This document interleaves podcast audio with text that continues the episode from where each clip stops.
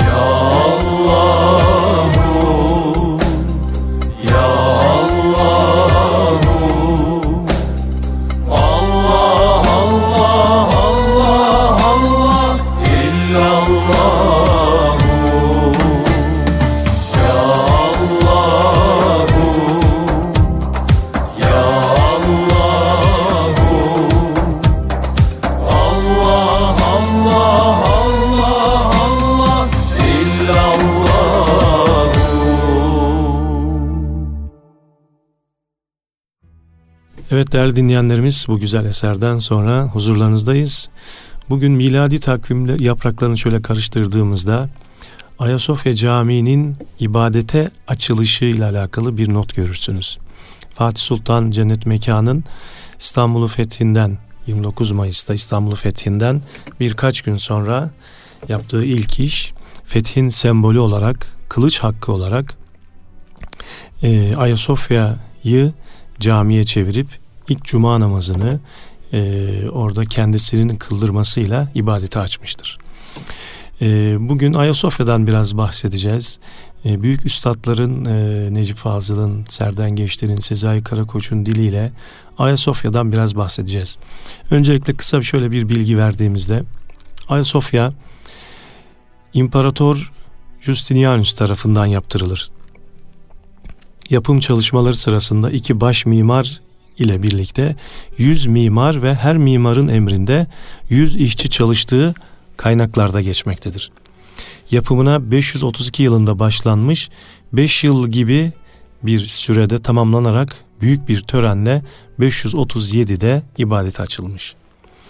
916 yıl kilise olan yapı 1453'te Fatih'in İstanbul'u fethetmesiyle camiye çevrilerek 482 yıl cami olarak kullanılmıştır.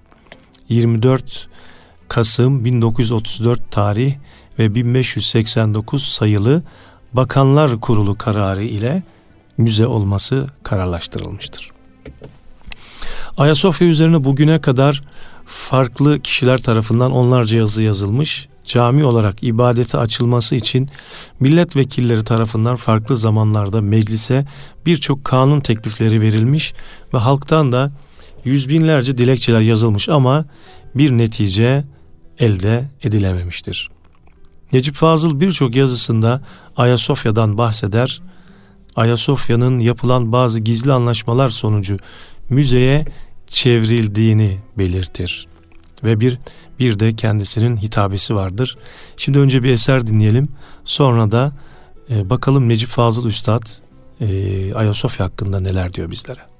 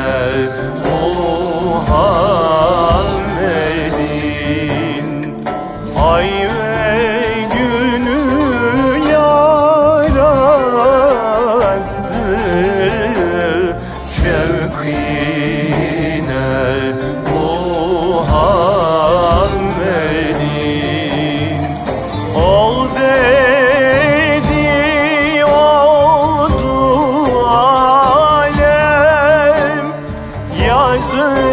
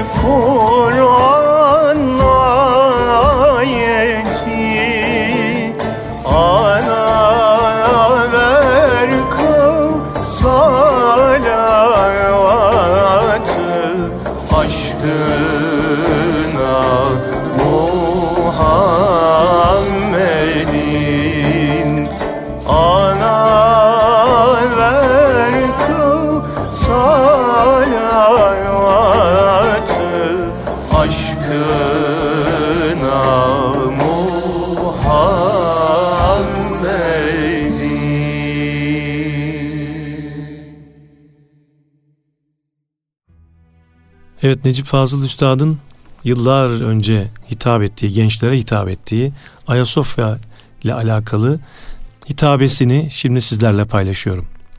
Gençler, Ayasofya üzerinde çok laf ettik ama lafta bile onu tasarruf edebilmiş, mülkiyetimiz altına alabilmiş değiliz.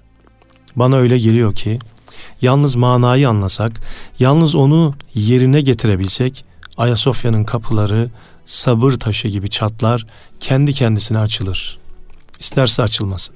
Ondan sonra her şey küçük bir tatbikat içinden ibaret kalır. Biz kimden neyi istiyoruz? Yemen'den Viyana'ya, Fas'tan Kafkasya'ya kadar en aşağı 10 milyon kilometre kare bir zeminin üzerinde.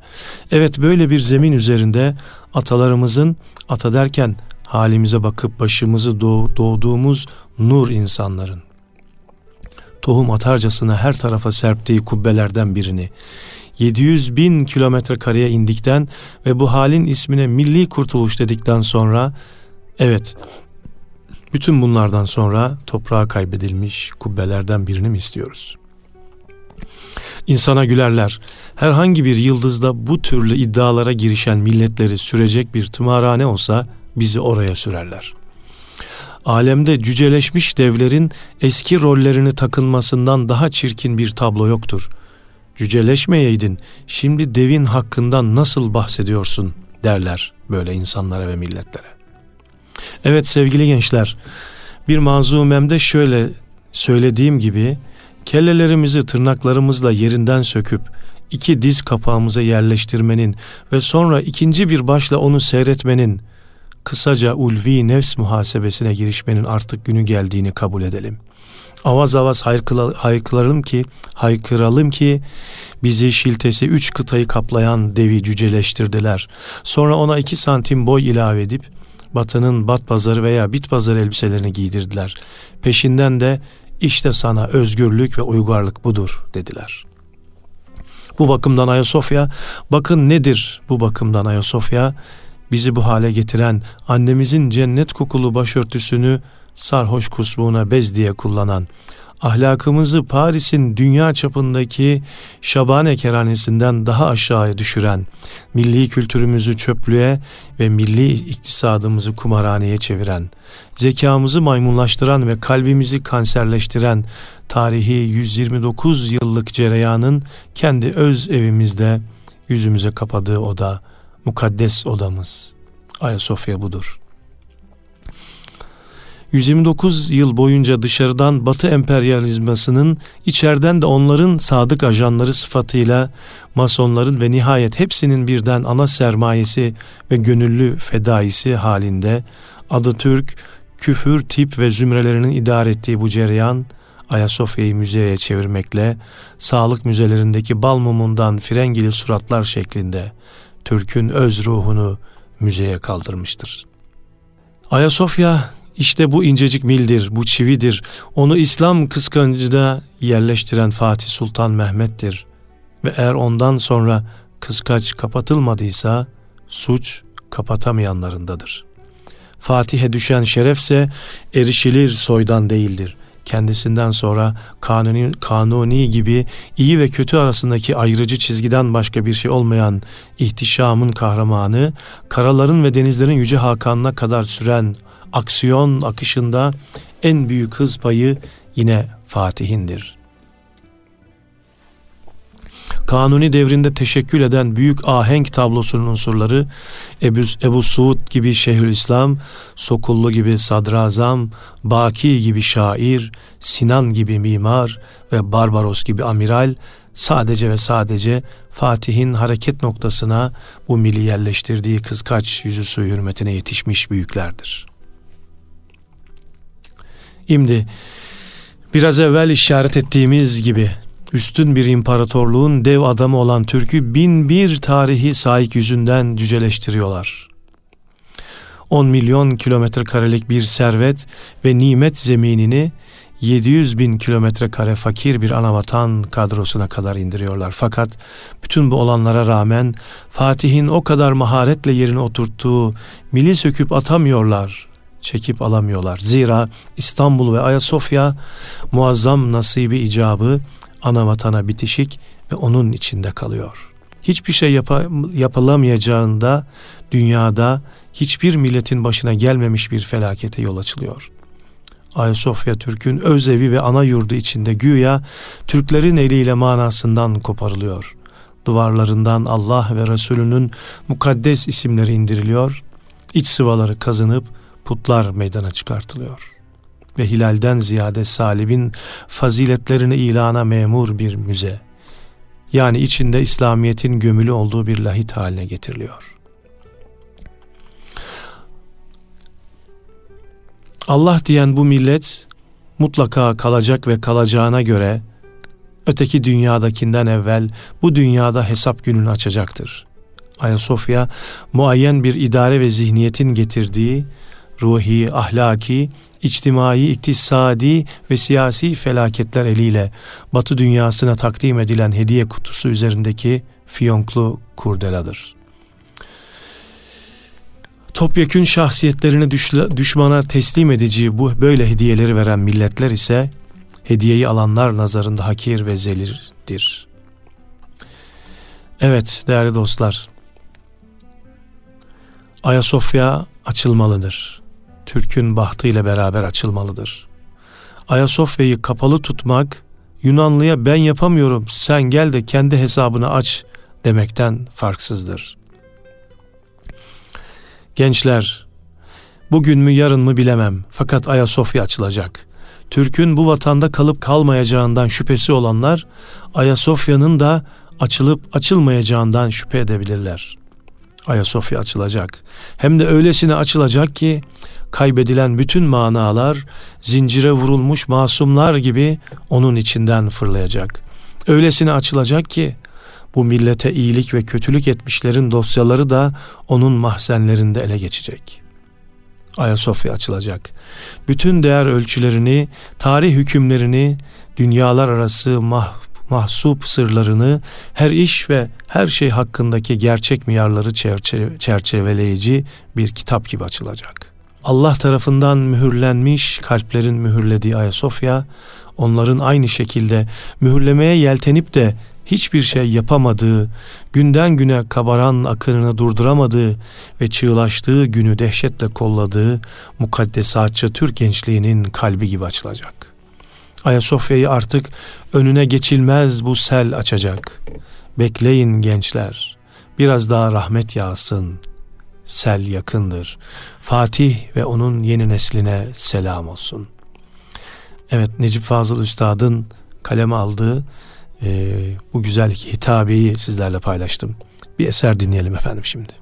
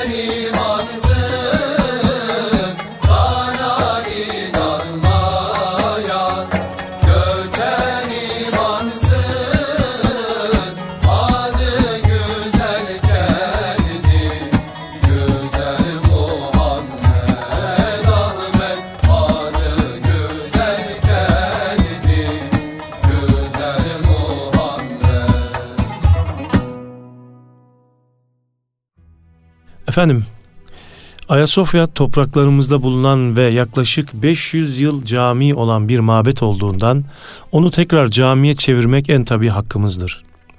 Ayasofya'nın cami olarak tekrar açılması İslam dünyasının da bize bakışını değiştirecektir. Ayasofya kapalı kaldıkça bize kuşkuyla bakmaya devam edeceklerdir. Ayasofya'nın açılması Batı dünyasının belki önce tepkisine neden olacaktır ama sonra kimliğimiz ve kültürümüz için bir kararlılık mesajı olacaktır. Ayasofya tarihi Doğu Batı Savaşı'nda zaferin hangi tarafta olduğunu gösterici bir semboldür. Ayasofya cami olduğu sürece üstünlük İslam'dadır. O cami olmaktan çıktığı andan itibaren üstünlüğün batıda olduğu bil fiil kabul edilmiş olur. Sezai Karakoç'a göre çarmıha gerili olan Hazreti İsa değil, bu haliyle Ayasofya'dır. İsterseniz yine bir eser dinleyelim, sonra da bu yazıyı sizlerle paylaşayım efendim.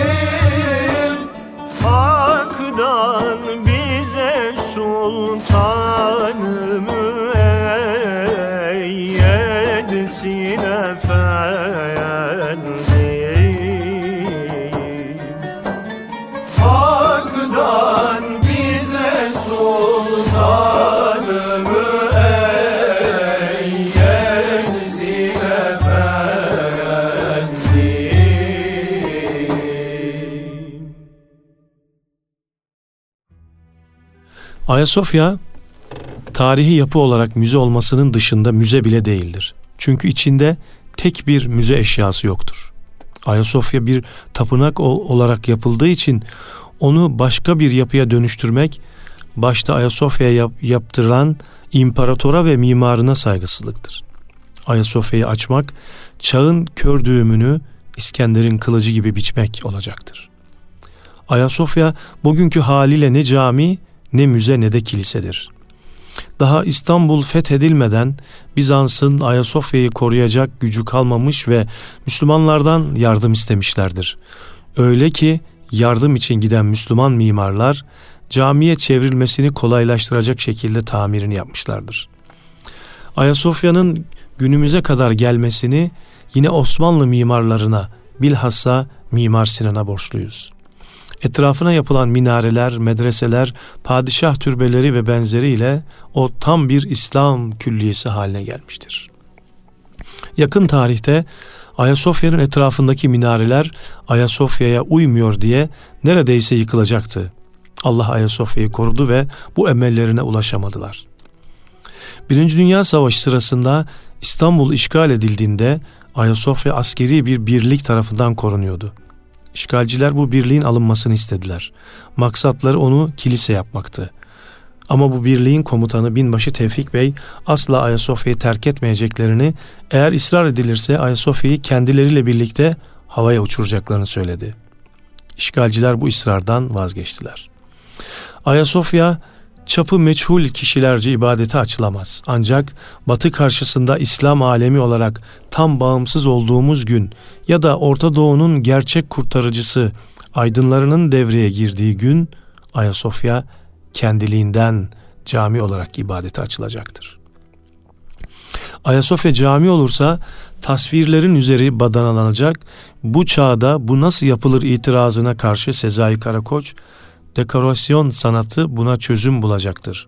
Öteden beri yeri geldikçe özel sohbetlerimizde söylediğimiz ve çevreye de yansıyan söz, çözüm şudur. Bir düğmeye basarsanız bütün tasvirler bir perdeyle örtülür. Bir düğmeye basarsanız perdeler açılır, tasvirler ortaya çıkar. Namaz kılmanın olmadığı sabah saat 9-11 arasında düğmeye basılır, perdeler açılır. İsteyen turist gelip kilise görünümüyle Ayasofya'yı görebilir. Günün diğer saatlerinde ise bir düğmeye basmakla bütün tasvirlerin örtülüp buranın cami haline gelmesi sağlanır, namaz kılınır. Bu halinde de turistler gelip binayı gezebilirler. Süleymaniye ve Sultanahmet'i gezdikleri gibi. Böyle bir düzenleme ile onurumuz korunmuş olur. Dünyanın her tarafından gelen Müslümanlar Ayasofya'da namaz kılabilirler. Turistler onu gezebilirler ve hatta eski haliyle de görebilirler. Olgu İslam dininin gücünü ve toleransını da somut bir şekilde göstermiş ve bilgelik mabedi demek olan Ayasofya'nın anlamına da uyan bir özelliği taşımış olur. Ayasofya ruhumuzun trajedisini ifşa eden bir Sphinx mi? Zincire vurulmuş Promete mi? Onu ancak Kafkas kartalları mı zincirlerinden kurtarıp özgürlüğe kavuşturur? Talihimizin dönüşünü haykıracak bir ilan mı olacak minarelerinden yükselecek ezanlar? Bağımsızlığımızın gerçek sesi ezanlar. Sezai Karakoç yaptığı bazı konuşmalarda da Ayasofya'dan bahseder. Örneğin 30 Mayıs 2015 tarihli konuşmasında şunları söyler. Bana soruyorlar işte Ayasofya Camii olarak açılabilir mi? İktidar açar mı açamaz mı? Ben de bunu daha önce söyledim. Ancak İslam alemi kendine gelirse o zaman kendiliğinden açılır. O gelmedikçe açılamaz. Eğer gizli bir anlaşmayla açarsanız onun da maalesef sonu gelmez. Eğer böyle giderse kilise olarak açılır. Allah'tan dileğimiz odur ki bu hasret biter ve Ayasofya en yakın bir zamanda tekrar ibadete açılır diyelim. Gerçekten Üstad Sezai Karakoç çok güzel bir e, cümleyle noktayı koymuş. İslam alemi kendine gelirse o zaman Ayasofya kendiliğinden açılır. Efendim bir eser daha dinliyoruz.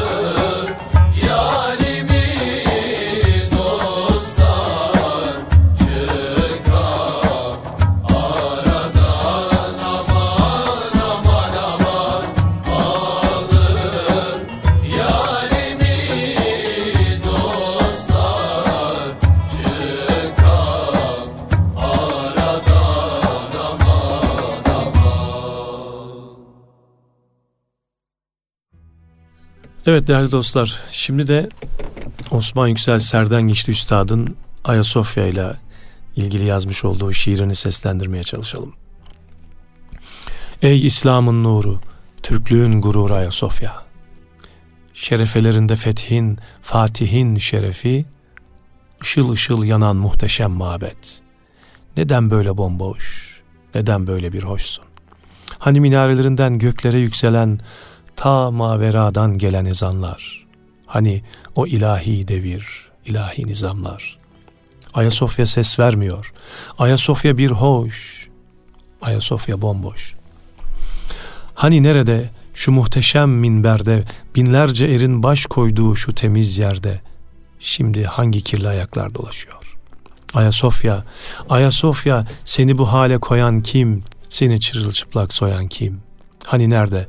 Gönüllerden kubbelere, kubbelerden gönüllere gürül gürül akan Kur'an sesleri. Kur'an sesleri dindirilmiş, Müslümanlar sindirilmiş. Allah, Muhammed, Hulefai Raşidi'nin isimleri kubbelerden yerlere indirilmiş. Fethin, Fatih'in mabedinden kitab-ı mübini, bu ulu dini kaldıran kim? Dinimize, imanımıza saldıran kim? Mabedimin göğsüne uzanan namahrem eli kimin elidir? Söyle Ayasofya, söyle seni puthane yapan hangi delidir?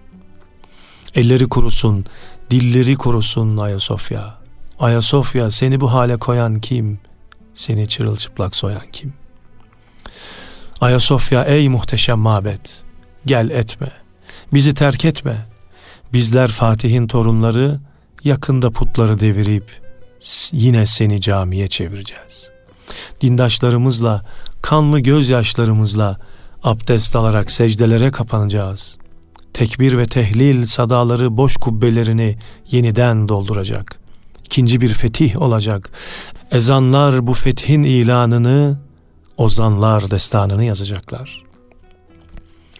Putperest Roma'ya yeni bir mezar kazacaklar. Sessiz ve öksüz minarelerinden yükselen ezan sesleri fezaları yeniden inletecek. Şerefelerin yine Allah'ın ve onun sevgili peygamberi Hz. Muhammed'in aşkına, şerefine ışıl ışıl yanacak. Bütün cihan Fatih Sultan Mehmet Han dirildi sanacak. Bu olacak Ayasofya. Bu muhakkak olacak.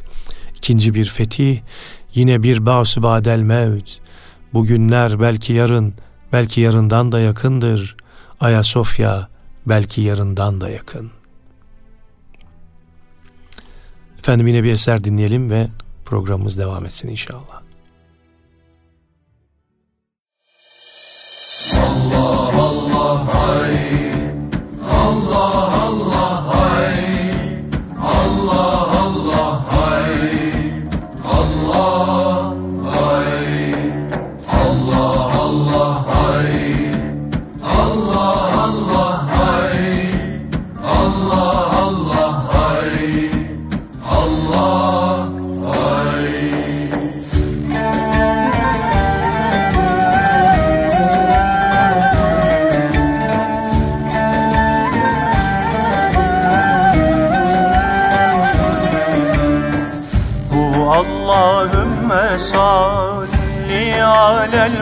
Mustafa Hu Allahümme salli alel Mustafa.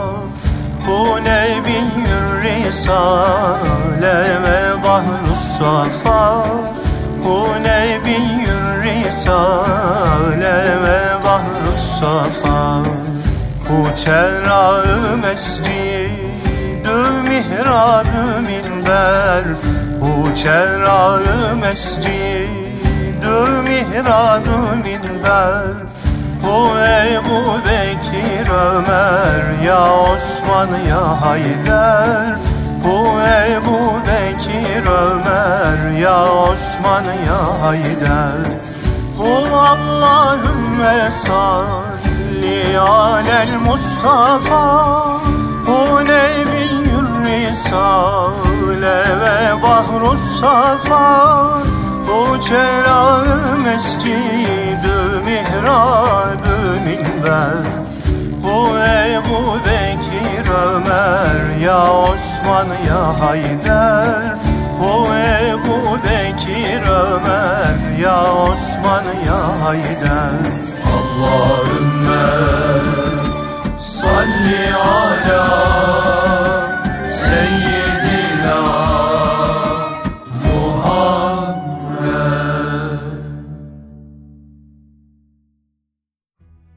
Evet değerli dinleyenlerimiz bu güzel eserden sonra sizlerle birlikteyiz.